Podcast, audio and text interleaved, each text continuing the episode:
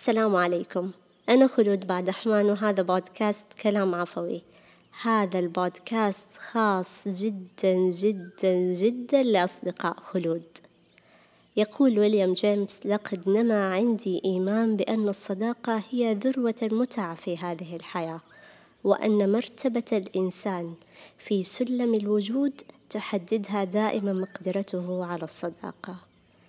نظرت لهاتفي الصامت دائما ووجدت اتصالا من صديقتي وعدد من الإشعارات على الواتساب. حركني القلق وعاودت الاتصال. بدأت حديثها وقالت وحشتيني.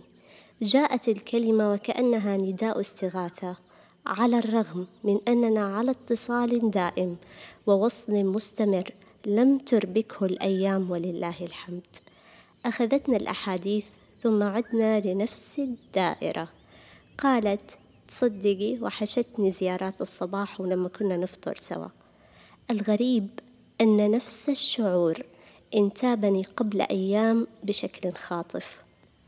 انتهت المكالمة وصرت أتأمل مع نفسي.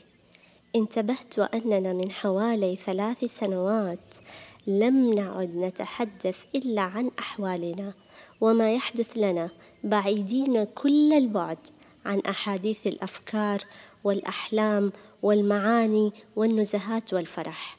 بمعنى آخر لم نعد نتحدث عن أنفسنا بعمق كما كنا نفعل في السابق. أخذتنا الحياة أو سرقتنا وصرنا منغمسين في الواقع لدرجة قاتلة. المخيف أنك إن لم تنتبه ستكبر دون أن تشعر ستشيخ قبل أوانك ستفقد لمعة عينيك وخفة روحك ورحابة قلبك ولا يرى فيك من أثر الحياة إلا مرورها عليك. لا أنكر أنه قد راعني الشعور وصرت أتأمل صيرورة العلاقات وكيف أنها تكبر معنا وتعيش حالاتنا وتتماهى معها كيف للإنسان أن يقاوم هذا السيل الجارف ويحرس فكره وشعوره فلا ينجرف ويهلك نفسه.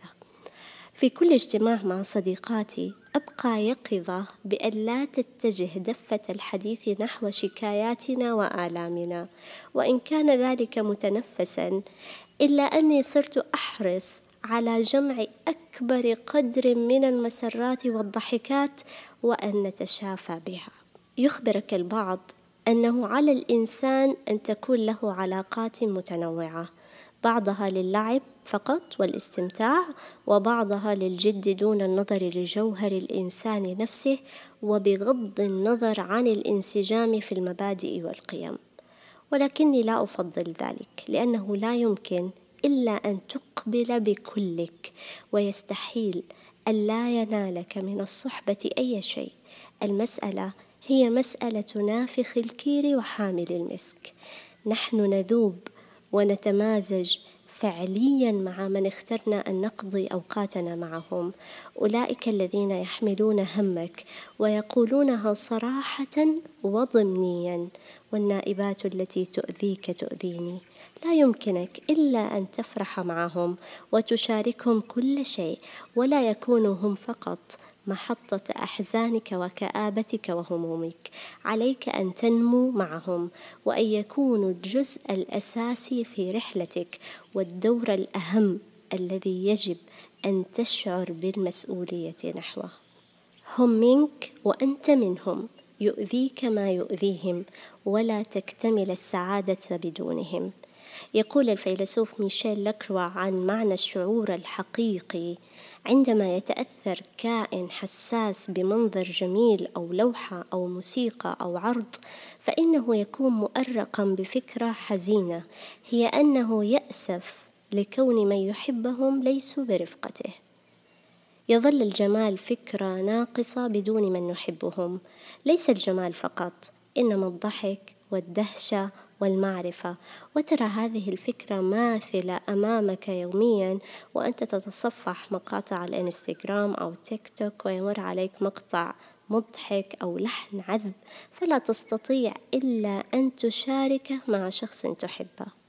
خلاصة القول انتبه أن تسرقك الحياة وبالذات حين تعي تغيراتها. وتفهم ضغوطها بشكل أكبر.